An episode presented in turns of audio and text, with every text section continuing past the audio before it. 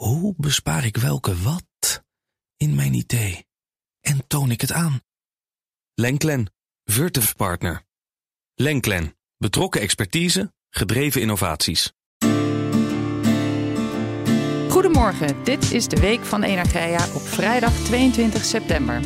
Trouwe luisteraars denken nu meteen, hey, dat is een andere stem. Dat klopt, ik ben Sabine Sluiters. Ik vervang Ilse Akkermans deze week. En ook onze hoofdredacteur Wouter Hielkema is er dit keer niet bij. En die vervang je niet zomaar. Dus heb ik maar liefst drie collega-redacteuren bij me in de studio. Uh, welkom Hans van der Lucht, Katrijn de Ronde en Joep Westerveld. Goedemorgen. Goedemorgen. Goedemorgen. Uh, deze Energieweek stond in het teken van Prinsjesdag en de miljoenennota. Uh, daaruit kwam zoveel nieuws uh, over de energiesector dat we hebben besloten om deze hele aflevering aan te wijden. Ehm, nou, het kabinet kwam uh, bijvoorbeeld met een eigen berekening van wat fossiele subsidies worden genoemd. En daaruit blijkt dat uh, de het onbelaste gebruik van aardolie voor de productie van plastics uh, de industrie een fiscaal voordeel oplevert van maar liefst 14 miljard. Ook werd bekend dat het noodfonds energie toch wordt verlengd. En um, alsof de miljoenennota nog niet genoeg was, uh, publiceerde het Planbureau voor de Leefomgeving dit jaar ook nog het eerste deel van de jaarlijkse Klimaat- en Energieverkenning, de KEF. Joep, normaal verschijnt de KEF altijd pas een jaar, uh, pas later in het jaar. Uh, nu dus al eerder. Wat is, de, wat is de reden daarvoor? Ja, klopt. Uh, normaal wordt die eind oktober gepubliceerd. En dit was eigenlijk op uitdrukkelijk verzoek van het kabinet. het kabinet heeft natuurlijk in, in het voorjaar een extra pakket maatregelen gepresenteed om de klimaatdoelen te halen. Want uit de vorige KEF bleek dat dat niet zou gaan lukken. En uh, ja, ze wilden gewoon heel graag weten uh, op Prinsjesdag van uh, liggen we op koers. En daarom is het eigenlijk besloten om de KEF in twee delen op te delen. Mm. Dus nu heb je een soort KEF op hoofdlijnen waarin de raming voor, voor de broeikasgasemissies is meegenomen. En dan op 26 oktober komt alsnog de gehele KEF. En daar zitten dan ook de ramingen in op energiebesparing en hernieuwbare energie. Ah, kijk aan. Maar goed, het eerste deel heeft relatief uh, goed nieuws. Want uh, wordt gezegd: het klimaatdoel voor 2030 is binnen bereik. Gaan we het halen dus? Um, dat zou ik niet durven zeggen. Nee, kijk, uh, het, het, het, het, Planbureau voor de Leefomgeving presenteert een, een bandbreedte. en de huidige bandbreedte is tussen de 46% reductie in 2030 en 57% reductie in 2030. Uh, het wettelijke doel is 55%. Nou, dat ligt nu voor het eerst binnen de bandbreedte, dus het is binnen bereik. Maar ja. moet wel, dan moeten we dus wel echt aan de bovenkant van die bandbreedte uh, zitten. Ja, vorig jaar was het nog 39% tot 50%. Dus het is wel toegenomen. Of hè, de, de kans dat we het gaan halen is wel wat groter. Klopt, ja. En dat is dus uh, voornamelijk te danken aan, aan, het voorjaarspakket. De maatregelen die, daar, die daarin zitten, dat zorgt er nu voor dat die bandbreedte is opgeschoven uh, ja. naar de bovenkant. En de, even voor de, voor de achtergrond, daarin uh, in die bandbreedte zit dus het, zeg maar, het concreet uitgewerkt beleid. Mm -hmm. Dus uh, beleid wat al is vastgesteld en beleid wat is voorgenomen. En ook plannen die nog niet helemaal volledig zijn uitgewerkt. Ja. dus geagendeerd beleid, maar dan wel geagendeerd beleid wat concreet genoeg is om, om mee te kunnen doorrekenen. Er zijn ook plannen die zijn nog niet concreet genoeg. Nou, die zitten niet in deze bandbreedte. Mm -hmm. uh, maar plannen die al wel redelijk concreet zijn, die zijn hier ook al in meegenomen. Ah, oké. Okay. En dan alsnog dus een flinke marge. Waarom, waarom doen ze dat? Ja, um, het is eigenlijk een soort optelsom van alle plannen, van al het beleid. En, en eigenlijk elk klimaatplan heeft een soort uh, marge van. Uh, en dat, dat hangt er ook vooral vanaf van hoe snel wordt het ingevoerd. wordt het, het, het, geheel voor 2030 ingevoerd of, of, of, of maar deels. Het planbureau uh, schrijft dat, dat het dus om die, op die 57% uit te komen moet. Uh, alle klimaatplannen moeten zo snel en ambitieus mogelijk uitgewerkt en geïmplementeerd worden. Ja. Um, en om even een voorbeeld te geven, uh, de maatwerkaanpak voor grote uitstoot is ook meegenomen. Dus bijvoorbeeld Tata Steel, die hebben dus plannen om over te stappen op groene waterstof. Nou, dat is een andere productieproces. En daarbij komen geen restgassen vrij. Mm -hmm. Met het huidige productieproces komen restgassen vrij en die uh, worden afgevangen en die gaan naar de elektriciteitscentrale van Vattenfall in Velzen. Uh, dat levert 4 megaton uh, uitstoot op. Dus als Tata voor 2030 overstapt op die andere productiemethode, dan levert dat al een reductie van 4 megaton op. Um, nou heeft het PBL de pijldatum op 1 mei. En na 1 mei is Tata Steel met een herziening van de plannen gekomen. Waarin ze eigenlijk, als ik even heel kort door de bocht ga, zeggen van we gaan het voor de helft overstappen op die andere methode. En de mhm. andere helft doen we gewoon nog met de klassieke hoogovens. Dus die 4 megaton gaan we eigenlijk sowieso al niet redden. Nee. Uh, eigenlijk weten we nu al zeker dat die 57% niet haalbaar is. Want er gaat al, uh, alleen al op dit punt een procentpunt vanaf. Ja, precies. Dus nou ja, uh, inderdaad, kan je, daaraan kan je zien hoe lastig het is als alles moet meezitten. Um, nou klinkt het ook een beetje alsof de overheid er gewoon helemaal geen invloed op heeft op sommige factoren. Ja, dat, dat is deels waar. want om het te halen moet bijvoorbeeld ook het weer meezitten. Uh, iets anders is bijvoorbeeld elektriciteitsimport en export. Dat heeft te maken met vraag en aanbod in het buitenland. Ehm, maar bijvoorbeeld ook met de prijzen van fossiele brandstof en CO2. Maar er zijn natuurlijk ook dingen waar het kabinet wel invloed op heeft. En dat heeft, zit dan vooral in de randvoorwaarden. Hè? Dus tijdige uitbreiding van het elektriciteitsnet, snellere vergunningverlening, zorgen voor voldoende personeel wil je niet suggereren dat de overheid dat allemaal makkelijk even kan eh, regelen. Maar, maar je hebt natuurlijk in ieder geval wel uh, deels invloed op. Ja. Hey, en elk jaar gaat in de KEF uh, het percentage CO2-besparing uh, omhoog. Um, wat is de kans dat de bandbreedte volgend jaar weer hoger is dan nu? Nou, daar is wel kans op, want ik zei net al, plannen die nog niet volledig zijn uitgewerkt, maar die ook nog niet concreet genoeg zijn om te kunnen doorrekenen, die zijn nog niet meegenomen. Nou, dan heb je bijvoorbeeld over beleid voor afvalverbrandingscentrales, negatieve emissies voor de elektriciteitssector of subsidies voor CO2-vrije gascentrales.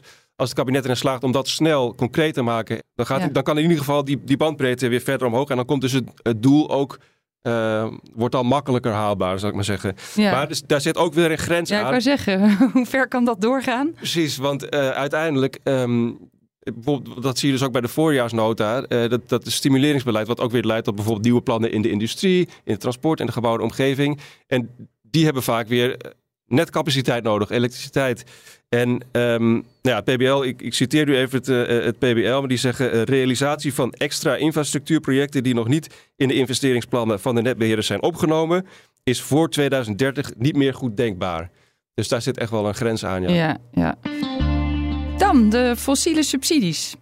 Een doorn in het oog van velen. Een aanleiding voor blokkades op de A12 uh, door demonstranten van Extinction Rebellion.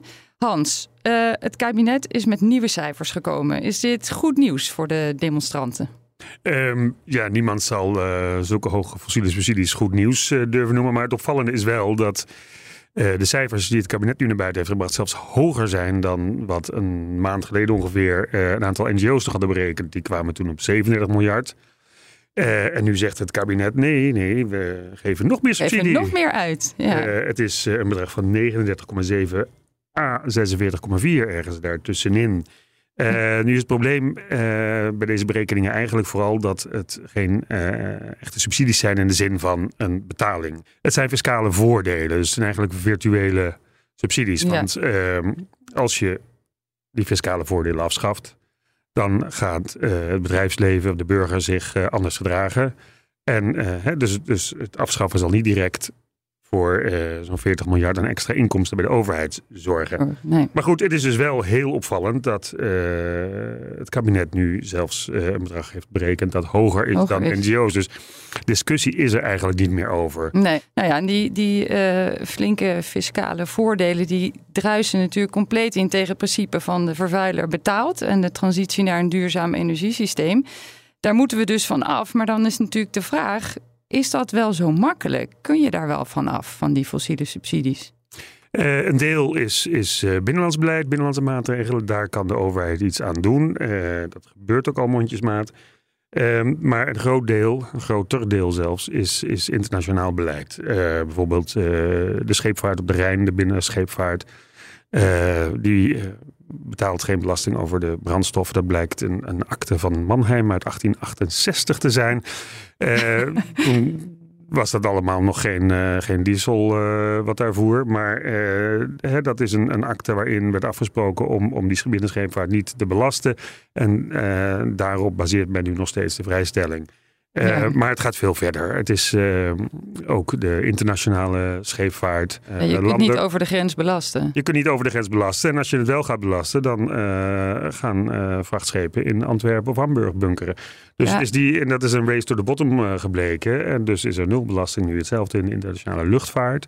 Kerosine is onbelast. Ja. Dat is een bedrag van maar liefst 2 miljard. En om die, die fiscale voordelen dus aan te pakken, is dus echt eh internationaal, moet echt in internationaal verband gebeuren. Zeker. En Ja. dat is eh, gisteren ook eh, bij de algemene politieke beschouwingen in de Tweede Kamer aan de orde geweest. Ja, hoe heeft de politiek gereageerd op Ja. deze nieuwe cijfers? Er was natuurlijk heel veel te bespreken, maar het is ook door sommigen aan de orde gesteld. Jan Pater Notte, eh, fractievoorzitter van D66, die zei dat hij zou willen dat het een internationaal speerpunt wordt voor de Nederlandse diplomatie. Om, om juist dat aan. soort verdragen over de luchtvaart, over de scheepvaart Ja. eh, aan te passen en internationaal eh, belasting gaan heffen. Eh, dat is op zich natuurlijk niet zo vreemd. Er is ook over de vennootschapsbelasting moet er in EU-verband en dergelijke afgesproken om te zorgen dat alle bedrijven internationaal toch een bepaald Ja. minimumpercentage aan vennootschapsbelasting betalen. Dus ehm, Jan Paternotte stelde dit voor. Eh, Jesse Klaver, GroenLinks PvdA nu, die verwelkomde dat. En de twee Paternotte en Klaver vonden elkaar ook om voor de nationale maatregelen Mhm. eh, een, een, een wettelijk, eh, wettelijk vast te leggen dat er een afbouwpad komt en hoe dat afbouwpad eruit gaat zien. Ja, Ehm, ja, want er is inderdaad in, eh, op nationaal niveau ook al eh, een stap gezet. Hè? klopt. Welke voorstellen zijn er, eh, zijn er ingediend? Ja, met de miljoenennota zijn eh, eh, twee wetsvoorstellen in de Kamer gaan. Er zitten drie voorstellen in. Eh eerste is het afschaffen van eh, belastingvoordeel op kolen voor, zoals het heet, duaal en non-energetisch gebruik. Ja, wat is dat? Eh Tata Steel kwam eerder aan de orde. De steenkool in de hoogovens heeft eigenlijk twee functies. Het, het reduceren van het ijzererts en hitte. Ehm, en dat is onbelast. Hetzelfde met een belastingvrijstelling voor de metallurgische industrie. Dus, dus de, de fabrieken waar men ketels, pannen, potten maakt, zelfs bestek. Dat is, eh, de, aardgas eh, is daar onbelast. De glastuinbouw heeft nu een enorm belastingvoordeel. Eh, die betalen op de eerste schijf betalen ze een zesde van wat de burger of de warme bakker om de hoek betaalt. Daar wil men tot 2030 eh, nu langzaam opbouwen tot het gelijke niveau als wat wij betalen. Ehm, zodat dat belastingvoordeel ook verdwijnt. En die maatregelen tezamen die zouden zo'n eh, 500 miljoen aan fossiele subsidies moeten beëindigen. We blijven nog even in de fiscale sferen, want eh, de energiebelasting kent vanaf volgend jaar een extra schijf. Dat blijkt ook uit het Belastingplan 2024. Katrijn, ik ben niet zo thuis in belastingschijven voor energie. Eh, kan jij mij uitleggen wat dat zijn, die schijven, en wat betekent het dat er een extra schijf komt? Ja, er zijn op dit moment eh, vier belastingschijven in de energiebelasting. De energiebelasting wordt geheven over het energieverbruik. En de schijven zijn dus ook ingedeeld naar verbruik. Het leuke aan de energiebelasting is dat die degressief is. Dus hoe meer je verbruikt, hoe minder je betaalt. Nou, dat is niet heel leuk, maar Ehm, wat ze nu willen doen, is een knip zetten in die eerste schijf. Die eh, op dit moment eh, voor huishoudens en het, N- eh, en het MKB geldt. Tenminste, het meeste MKB valt erin. De winkels, de, de kantoren, of de kleine kantoren, niet de hele grote kantoren natuurlijk. En ehm, daar willen ze een knip zetten ongeveer op een beetje het huishoudelijk verbruik. Dus ehm, in plaats van 0 tot 10.000 eh, kilowattuur willen ze er 0 tot 29 100 kilowattuur eh, van maken. En voor eh, aardgas is het nu 0 tot 170.000 kuub gas. En daar willen ze van maken 0 tot 1000 kuub gas en dan 1000 tot 170.000 kuub gas. Dat wordt dan de tweede schijf. er komt een soort klein schijfje. Er komt een soort klein schijfje. En eh, oorspronkelijk was het plan, want dit, dit komt allemaal uit een. dit, kom, dit is allemaal eigenlijk ehm, het gevolg van amendementen die vorig jaar zijn ingediend op het belastingplan door Pieter Grimwis van de ChristenUnie. Pieter Grimwis heeft dat voorstel gedaan van die knip, of heeft die amendementen ingediend ehm, als eh, naar aanleiding van de hoge gasprijzen en, en de hoge energieprijzen van vorig jaar. Omdat op die manier er dus specifiek een ander belastingtarief geheven kan worden voor huishoudens, zodat huishoudens geholpen kunnen worden als er sprake is van hele hoge gasprijzen en elektriciteitsprijzen. En gaan ze dus ook een ander tarief hanteren dan in die eerste schijf? Uh, voorlopig niet. Oh. Uh, voorlopig blijft het tarief in de eerste en de tweede en de, nieuw, de, de nieuwe eerste en de nieuwe tweede schijf, die blijven gelijk. Uh, de reden daarvoor is dat het simpelweg op dit moment nog niet kan. Omdat er een aantal wetswijzigingen nodig zijn voordat er een nieuw tarief kan worden gegeven. En die wetswijzigingen zitten hem vooral um, in blokverwarming. Want als je nu gaat sleutelen aan die twee tarieven, dan um, gaan de mensen die op blokverwarming zijn aangesloten. Wat is ook weer blokverwarming? Blokverwarming is dat je een collectieve aansluiting hebt. Dus, dus zeg maar, jouw gebouw heeft, uh, daar komt gas binnen. Je hebt een ketel staan, die ketel maakt warmte van dat gas. En dat wordt over de woningen verspreid. Maar omdat je dus met een heel, heleboel woningen tegelijk achter die aansluiting zit, kom je dus al heel snel boven die 1000 kub gas uit.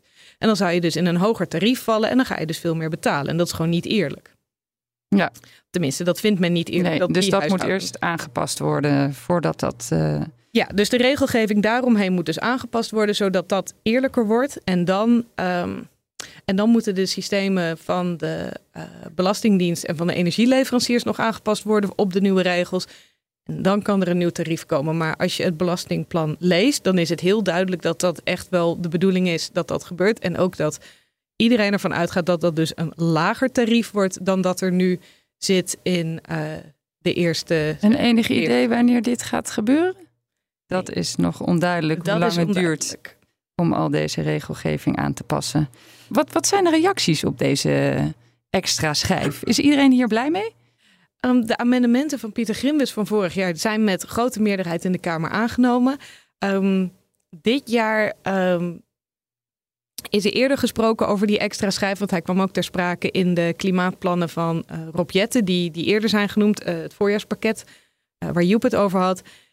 En toen is, zijn er wel weer zorgen gerezen bij eh, partijen eh, als de SP, de PvdA en GroenLinks. Van ja, maar wacht even, wat als je nou mensen hebt die in een tochtig huis zitten, maar niet het geld hebben om te verduurzamen. En die zitten dan toch weer al heel snel boven die duizend kuub. En dat is gewoon niet eerlijk. Dus hoe, hoe gaan we dat regelen dat dat toch eh, niet ten nadele is van mensen die zelf weinig invloed hebben op hun energierekening? Ja, een andere maatregel om deze huishoudens te helpen is het eh, tijdelijke noodfonds energie, dat vorig jaar is inge- ingesteld. Ehm, nou zei koning Willem-Alexander tijdens de troonrede dat dit noodfonds eh, ook dit jaar weer wordt verlengd, ehm, zodat kwetsbare huishoudens aankomende winter steun kunnen aanvragen voor hun energierekening. Joep, jij hebt de troonrede gevolgd. Ehm, was de verlenging een verrassing? Een beetje wel, ja. Want hij stond, eh, aanvankelijk stond hij dus open voor het, eh, zeg maar het vierde kwartaal van 2022 in het eerste kwartaal van dit jaar. En ja, dat was het eigenlijk. Eh, de energiebedrijven. afgelopen winter, zeg maar. Gewoon Ja. afgelopen winter, ja. En ehm, de energiebedrijven die pleiten er al langer voor om, om het te verlengen. Maar het kabinet leek dat eigenlijk niet te willen.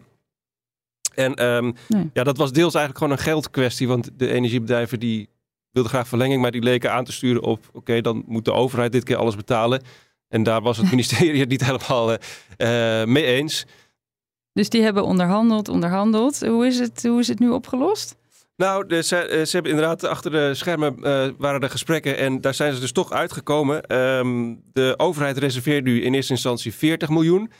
En de zeven energiebedrijven leggen bij elkaar 20 miljoen in.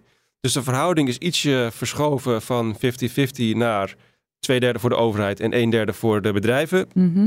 Maar het is nog steeds een, een publiek-private eh, Inspanning. Ja. ja. En ehm, het kabinet heeft ook gezegd, als, als er nog meer energiebedrijven aansluiten, of als de energiebedrijven meer inleggen, dan eh, is er nog maximaal 20 miljoen extra beschikbaar. En dat zal dan volgens diezelfde verdeelsleutel ehm, eh, Van twee derde. van twee derde, een derde, zal dat Ja. verdeeld moeten worden. Ja.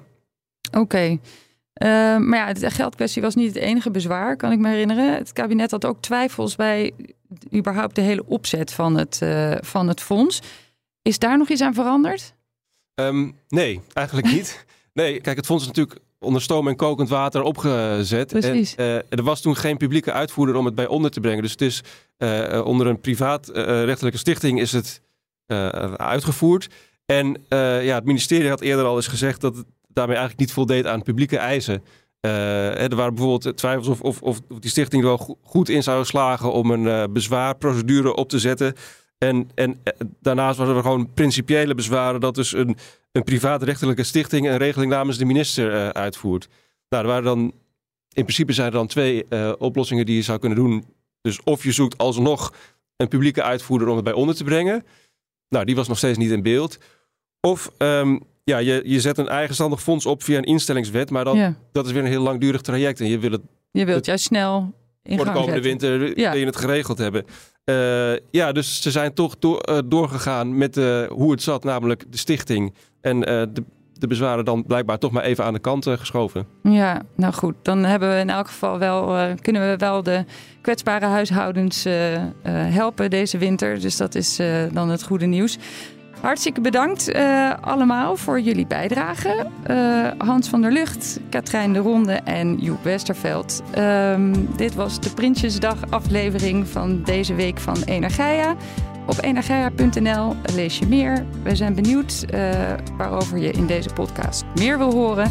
Laat het ons weten via podcast.energia.nl. Mijn naam is Sabine Sluiters. Fijn dat je luisterde en tot volgende week.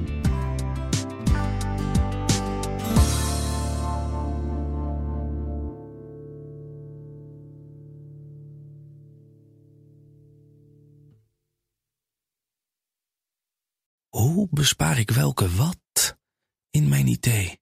En toon ik het aan? Lenklen, Virtuf Partner. Lenklen, betrokken expertise, gedreven innovaties.